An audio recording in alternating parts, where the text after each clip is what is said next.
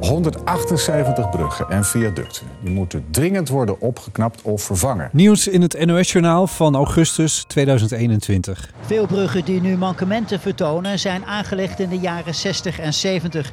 De minister spreekt van een historisch grote hersteloperatie. In de tijd dat deze bruggen en viaducten werden gebouwd, was er nog veel minder verkeer. Uh, en je ziet ook dat het verkeer soms wel een acht keer meer is geworden. Vrachtverkeer soms wel vier keer zwaarder.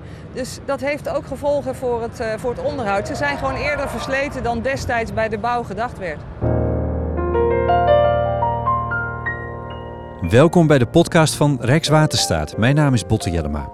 Naast de 178 bruggen en viaducten die dringend moeten worden opgeknapt, zijn er nog ruim 500 andere bruggen en viaducten in Nederland uit dezelfde bouwperiode die toe zijn aan vernieuwing. Het gaat om bruggen en viaducten, maar ook om sluizen en tunnels. Die zijn gebouwd in de jaren 50 en 60 van de vorige eeuw. Zoals de Van Brienenoordbrug in de A16, de Haringvlietbrug in de A29 en de Marijkersluis in het Amsterdam-Rijnkanaal. Allemaal gebouwd in de wederopbouwjaren met de blik van toen op de toekomst van de ruimtelijke inrichting van Nederland. Het is tijd voor renovatie en vervanging vanwege veroudering, maar ook doordat ze steeds meer en steeds zwaarder verkeer te verwerken kregen, zoals oud-minister van Infrastructuur en Waterstaat Cora van Nieuwenhuizen in het fragment zei. Een gigantische klus en een forse investering waar Rijkswaterstaat de komende 15 tot 20 jaar mee bezig zal zijn. Maar waarom komen er zoveel bruggen en viaducten uit juist die periode in de geschiedenis? Hoe zijn ze tot stand gekomen en wat betekenen deze infrastructurele kunstwerken voor Nederland en ons leven hier? Ik probeer daarachter te komen door af te spreken met Anita Blom. Ik werk bij de Rijksdienst voor het Cultureel Erfgoed. Ik ben specialist naoorlogse bouw en stedenbouw. En uh, ik werk bij de afdeling landschap omdat wij vinden dat stedenbouw ook landschap is. Oh, controversieel.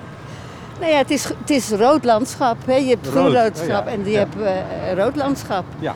We ontmoeten elkaar bij zo'n typische brug uit de wederopbouwperiode, de Amsterdamse brug. Een brug over het Amsterdam-Rijnkanaal bij de hoofdstad. En we kunnen er heel dichtbij komen. En dit is misschien wel een leuke plek om even te stoppen, want we staan er nu recht onder. Ja. Kun je beschrijven wat jij nou ziet? Um, dit is een, uh, trouwens, het is de eerste vaste verbinding tussen Amsterdam en Amsterdams Noord. Want voorheen waren er, en het was voor 1957, waren er alleen maar ponten over het ei. Dus dit was een, echt de eerste vaste verbinding. Wat we hier zien is uh, een combinatie van staal en beton. Ja. Uh, het is een betonnen ligger. En de onderbouw, de, dat is geklonken ook nog, dat is eigenlijk staal. En is, geklonken, dan bedoel je die, die, eh, die bouten die ik daar zie? Die, die bouten dus die je ziet. Nou, het, het, zijn wel bouten in feite. Het zorgt ervoor dat het staal aan elkaar zit. Ja. Ze durfden namelijk in die periode durfden ze nog niet te lassen als het ging over bruggen. Want ze waren bang dat de belasting te groot zou zijn voor die lassen en dat die lassen dus heel snel door zouden gaan ah, breken. Maar dat doen we nu wel, lassen? Lassen doen we nu wel, maar dat komt omdat we dat op een veel uh, hogere temperatuur kunnen doen, waardoor ze betere materialen kunnen gebruiken. Ja, precies. Oké, dus je ziet geklonken staal, zoals je dat noemt, en daar ligt beton op. Daar ligt een betonnen loper overheen, waar dan het verkeer overheen gaat. Het deel waar de fietsers overheen gaat is ook gewoon staal. Ja, over de Amsterdamse brug gaan auto- en vrachtverkeer over een tweebaansweg. Er zijn stroken voor fietsers en voor voetgangers. Vanaf het water van het Amsterdam-Rijnkanaal is de brug zo'n 9 meter hoog. Het is een boogbrug van staal en overspant een kleine 90 meter. De brug is geopend in 1957. Voor de oorlog werd er eigenlijk nauwelijks beton gebruikt in bruggen, omdat we die we hadden die kennis niet voldoende. Er werd heel weinig met beton nog gebouwd. Dus er werden vooral uh, stalen bruggen gebouwd, zowel voor het spoor als voor de wegen. Ja. En dat werd dan wel gecombineerd, bijvoorbeeld als het over kleine bruggen gaat, met houten liggers. Ja. Maar beton, dat is eigenlijk pas voor het eerst gebruikt in de jaren 30 bij het 20 kanaal, maar dat waren niet zulke grote overspanningen. En uh, pas vanaf halverwege de jaren 50 werd het normaal om het te gaan gebruiken voor uh, bruggen. En pas in de jaren 60 gingen ze de totale bruggen van beton maken. Omdat ze toen eh, voorgespannen beton konden gebruiken. Waarin ze dus het ijzer, het staal, hadden meegegoten. gegoten. Ja. Waardoor ze dus eindelijk de krachtige bruggen hadden die ze nodig hadden voor het steeds zwaarder wordende verkeer. Ja, precies. Dit is een typisch voorbeeld Ja. van zo'n... Voor de, voor de Eerste Wereldoorlog of voor de Tweede Wereldoorlog gebruikten ze vooral staal. Ja, eh, dat, dat is ook die, die, die typische bruggen die ik een beetje in mijn hoofd heb. eh, Die soms nu nog bij, industriële... ja, die je nu soms nog wel bij, bij spoorbruggen ziet. Ik kan het zeggen, treinen ja. ik ze. Ja, ja. We horen schepen voorbij varen en we horen het verkeer boven ons. Vooral als de bus vanuit de Indische buurt via deze brug naar Amsterdam-Noord rijdt langskomt, dreunt de constructie van staal en beton. Naast het Amsterdam-Rijnkanaal ligt een fiets- en wandelpad en dat lopen Anita en ik een stukje af, zodat we de brug van de zijkant kunnen bekijken. En eh, daar zit er nog weer een, eh, een typisch element in. Tenminste, ja, dat vermoed ik. Ik ben natuurlijk geen expert, maar ik vermoed dat dat een typisch element is. Dat is die grote boog. Ja. ja, dat is ook echt iets uit de. Uit de nou, ook, ook net wel voor de Tweede Wereldoorlog, maar in de periode na de Tweede Wereldoorlog zie je dat heel veel. En dat zorgt ook weer voor verstijving van de brug. Ja. En je ziet dat zowel bij spoorbruggen als bij, bij eh, eh, bruggen voor autoverkeer. En ik vind het eigenlijk een hele mooie constructie. Ik, vind het, ik zou het heel jammer vinden als op een gegeven moment er geen één boogbrug meer was in Nederland. Ja. Het is zo typisch Nederlands, vind ik. Ja, is Het is echt een soort, soort ingenieurskunst. Ze noemen het ook kunstwerk, hè, bruggen. Ja. Eh, het is echt een soort ingenieurskunst waar goed over nagedacht is. Maar het, was ook, het had ook een andere eh, eh, oorzaak. Ze moesten vroeger, tot 19, ook tot 1965 eigenlijk, werd alles nog handmatig uitgerekend. Dus sommige dingen konden ze heel slecht berekenen. Mhm. En hiervan wist, konden ze gewoon makkelijker door ehm, ja, wiskunde, zeg maar, konden ze berekenen hoe, hoe die constructie moest lopen en Ja. hoe dan inderdaad, hoe de krachten waren. Ja. Dus dat was heel goed te doen voor die mannen van Rijkswaterstaat. Om te berekenen van als we nou uitgaan van een brug die zo zwaar is en waar zoveel verkeer overheen moet, dan moeten we die, die boog moeten we zo maken. ja, zo groot, zo dik staal. Ja, ja. En, en, ja, ja, precies. Ja, ja.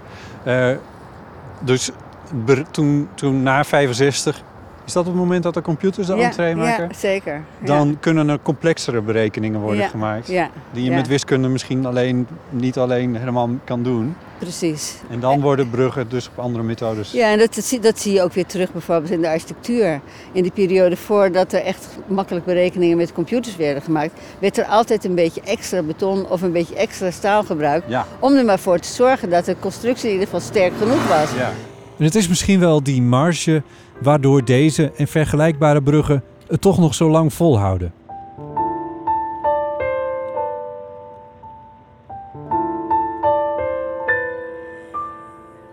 Er zijn honderden bruggen, tunnels en sluizen gebouwd in de wederopbouwperiode. Maar waarom gebeurde dat? Anita vertelt dat Nederland moest veranderen na de afloop van de Tweede Wereldoorlog in 1945.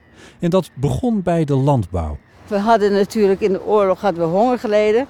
Maar ook liepen wij heel erg achter op het gebied van de landbouw. Ja. We hadden in de jaren 30 een eh, landbouwcrisis gehad. Wat een deel uitmaakte van de grotere economische crisis. Ja. En die boeren hadden nauwelijks geïnvesteerd. Ja. En na de Tweede Wereldoorlog ehm, is er enorm gerationaliseerd in de, in de landbouw. Veel grotere percelen, maar ook tractoren en Ja. andere machines. Die die grotere percelen aankunnen, maar ook nodig hebben. Ja, en een Ja. deel van, en dat, is, dat, is, dat realiseert zich niet iedereen. Eh, we hebben natuurlijk in Amerika, van de Amerikanen hebben we Marshallhulp gekregen. Ja. Om ons land weer op te bouwen. Dus dat was vooral het economisch opbouwen. Maar daar moesten we wel iets voor terug doen. Ja. Dus ehm, de Amerikanen eh, vroegen ons onder andere van nou als jullie nou onze landbouwmachines kopen. Ja. De, de Fords en de John Deere's en de, ik probeer het snel even te bedenken, maar, Caterpillar. maar ja, die hele grote machines in Ja. ieder geval. Ja, ja. Ja, die hebben wij eh, van de Amerikanen gekocht als een soort tegenprestatie voor het feit dat zij ons geld hadden geleend en, en voor een deel ook geschonken. ja. En zo begon de schaalvergroting in de landbouw. Met de grotere machines kon er efficiënter worden gewerkt. Er kwamen minder boerenbedrijven die per stuk groter waren. Boeren gingen opleidingen volgen en met die kennis verhoogden ze hun productie ook nog eens. Het droeg allemaal bij aan de voedselzekerheid en lagere voedselprijzen. De economie groeide. Er kwamen meer banen in de steden doordat er meer industrie kwam. En bij dat alles kwam meer logistiek kijken. En dat was in Nederland nog wel een probleem vlak na de oorlog. We hadden, voor de oorlog hadden we 25 bruggen over de grote rivieren. En in de oorlog zijn daar 19 van vernield. Dus vrijwel allemaal eigenlijk. Vrijwel allemaal. Sommige zelfs twee keer. Sommige aan het begin van de oorlog. Dat hebben de Nederlanders zelf gedaan om de Duitsers tegen te houden. En aan het eind van de oorlog ofwel door geallieerde bombardement... ofwel doordat de Duitsers ze onklaar maakten. Dus die moesten in eerste instantie natuurlijk vooral hersteld worden. Ja. Nou, dat, dat werd gedaan door of bruggen te cannibaliseren, als dat zo mooi heet. Namelijk één brug uit elkaar halen en dan van twee bruggen gewoon één brug te maken. Maar pas nadat die bruggen hersteld waren, konden ze natuurlijk met nieuwe bruggen aan de gang. Ja. En het, ja, ook met het aantal auto's ging het de eerste jaren na de oorlog natuurlijk nog niet zo hard. Nee. Want tijdens de oorlog is dat enorm afgenomen. Ik heb dat even nog opgezocht. Eh, voor de oorlog waren er 140.000 auto's. Na de oorlog waren er 11.000 auto's. Dus dat was enorm afgenomen. Ja. En, de- en, en, ehm, ik niet eens. ja, Ja. dat was allemaal door de Duitsers in beslag genomen natuurlijk. En, eh, het gaat altijd over die fietsen, maar... En eh, in 1951, toen waren er al 250.000 auto's weer. dus je ziet wel dat het toeneemt. Maar in 1970 waren het 2,5 miljoen. Dus dat is dan weer in, in Tien- 20 tienvoudigd. jaar is het vertienvoudigd. En nu is het eh, in 8,9 miljoen auto's rijden in Nederland rond. En zo is het gekomen dat in deze periode zoveel bruggen, tunnels en viaducten zijn gebouwd. Toen zijn die bruggen er gekomen. Ja, want we leven natuurlijk in een waterrijk land. Ook natuurlijk met die nieuwe polders die aangelegd werden. Die moesten ook allemaal grote verkeersbruggen krijgen. En spoorbruggen later. Dus ja, dat, dat gaat wel hard. En een hele grote ingreep wat dat gaat is ook wel geweest na de watersnoodramp in Zuidwest-Nederland, Zeeland. 1953. 1953 was dat. ehm, hebben ze een nieuw plan gemaakt voor Zeeland. Want Zeeland was een achtergebleven provincie. Dus eh, ze hebben toen ook meteen gekeken van nou, we moeten zorgen dat we minder kust daar hebben. Zodat er minder dijken nodig zijn. Zodat er ook minder dijken onderhouden hoeven te worden. Dus we moeten de kustlijn verkleinen. Maar dan moet, heb je wel dammen nodig. Ja, dus Ja. niet meer om elk eilandje een, eh, een dijk heen leggen, maar één dijk voor al die eilandjes. Ja, aan, aan, aan de westkant Ja. van Nederland. Ja. Nou, als je dan die dammen gaat neerleggen, leg er dan meteen een weg overheen. Ja. Maar goed, ze, ze wil dus meer wegen Noord-Zuid hebben. Maar dat kan je niet alleen maar eh, aan, de, aan de Noordzee doen. Dat moet je op verschillende plaatsen doen. Bovendien, die eilanden die zijn, liggen ook niet allemaal alleen maar aan het westen. Dus ook daar zijn enorm veel nieuwe bruggen aangelegd. Ja. Een van die bruggen bijvoorbeeld is de Zeelandbrug. Die hebben wij zelf eh, tot Rijksmonument uit de wederopbouwperiode aangewezen. Ja. Dat was natuurlijk een hele bijzondere brug. Ten eerste omdat hij zo lang was, het was 5,2 kilometer. Maar ook omdat hij zo prachtig... Het is echt een architectonisch topwerk, vind ik. En met die prachtige mooie bogen en die hele lange overspanningen. Dat, ja, dat is een kunstwerk. De Zeelandbrug tussen Noord-Beveland en Schouwen-Duiveland is opgenomen in het beschermingsprogramma Wederopbouw 1959-1965 en is in 2015 een rijksmonument geworden. Eh, dan mag je er ook niet meer aankomen. Nou, dat, dat is dan inderdaad altijd wat er gezegd wordt. Wij hopen juist dat er wel aangekomen wordt, dus dat er goed onderhoud wordt gepleegd. nou ja. Maar wij zeggen ook wel ehm, dat hè, je kan in niet iets voor de eeuwigheid bewaren en, en altijd zo houden zoals het is. Je kan ook een woning niet, eh, een woning waar vroeger met eh, hout gestookt werd, kan je ook niet verplichten dat die mensen een eh, open haard moeten blijven houden. nee, nee. Dus de, de, je moet best wel vernieuwing toe willen laten. Maar het is aan de andere kant ook wel mooi dat je een stukje geschiedenis ook voor de toekomst wil behouden. Veel van de bruggen zijn wat vorm betreft niet uniek genoeg om monument te worden. Sommige bruggen hebben om andere reden juist weer wel die status, zoals de John Frostbrug bij Arnhem vanwege de oorlogsgeschiedenis. Maar dat bruggen en viaducten uit de wederopbouwperiode van grote betekenis zijn geweest voor heel Nederland, is wel duidelijk.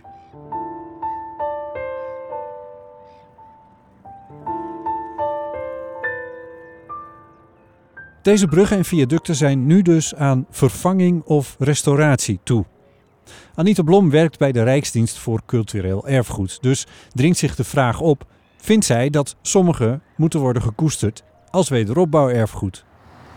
Er zijn veel mensen die denken dat wij alleen op um, architectuurkenmerken letten? Of, of iets esthetisch van belang is, of dat er een belangrijke architect aan heeft gewerkt. Maar wij zien de laatste jaren, zeker na de Tweede Wereldoorlog, in de afweging van gaan we iets aanwijzen als Rijksmonument, zien we juist steeds meer aandacht voor het cultuurhistorische. Dus in, in welke historische context is het gemaakt? Of wat, wat, voor welke verandering of vernieuwing staat zoiets? Juist.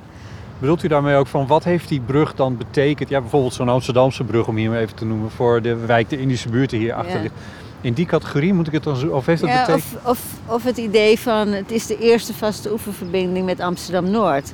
In die zin heeft die betekenis. Maar gaat het dan om de vormgeving? Nou, volgens mij niet echt. Maar je zou hem wel op deze plaats willen behouden. Ja. ja, ja.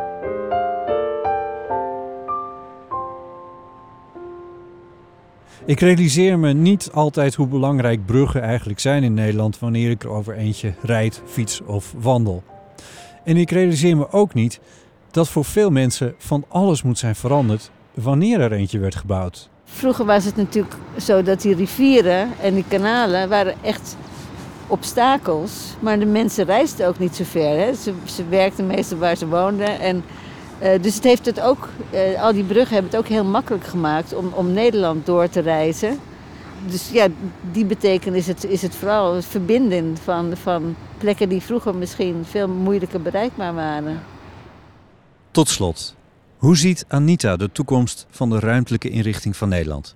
Ze denkt dat we een interessante opgave hebben. Wij hadden vorige week een discussie bij de gemeente Amsterdam over de ehm, uitbreiding van het aantal bewoners in Amsterdam Nieuw-West. En toen heb ik ook de vraag gesteld: van, zou je eigenlijk niet moeten nadenken over wat kan deze stad aan capaciteit eigenlijk hebben? Voordat je maar denkt van we moeten door blijven bouwen, we moeten door blijven bouwen, we moeten door blijven houden. En dat denk ik soms ook wel eens over die infrastructuur. Van moet je niet Nee, je kan, natuurlijk heel moeilijk zeggen van de ene dag mag de, de weg, eh, de, de, auto met een, een even getal mag de weg op de andere dag de andere. Is dat Singapore? Waar is dat? Ja, ja, ja. Ja, dus, dus dat, gaan we, dat gaan we misschien niet zo snel doen. Maar we moeten wel steeds blijven nadenken van welke capaciteit hebben we nou echt nodig en um, waar, waar, zijn, waar lopen we tegen de grenzen aan. En dat geldt ook voor, voor, voor autoverkeer en wegverkeer en verbruggen. Je kan niet overal maar wegen aanleggen. En ja, ik ben zelfs dan al overgestapt op een elektrische auto. Daar was ik vreselijk trots op. maar ook daar kan je niet zeggen van... u moet nu overstappen op de elektrische auto. Ja, dat kan niet. En bovendien, een elektrische auto is nog steeds een auto. En nou ja, maar dat is weer een echte hang-up van mij. Ik vind het dus vreselijk um, dat vervoer van beesten uh, varkens die naar Italië gaan en als ham weer terug worden gestuurd. Daar moeten we echt mee ophouden. Dus we moeten ook nadenken over hoe richten we onze logistiek Nederland nou eigenlijk in? En willen wij zo'n belangrijk logistiek land blijven? Of, of moeten we gewoon proberen onze economie ja. of economische groei ergens anders vandaan te halen dan het heen en weer gesleept van, van, van plastic en dieren en, en ander materiaal waarvan ik denk van hebben we het nou eigenlijk wel zo nodig? Ja, ja. Dat zijn mooie en grote vragen. En het is goed om daar eens een keer goed over na te denken. Dus Hugo moet echt bezig ook gaan met die ruimtelijke inrichting van Nederland.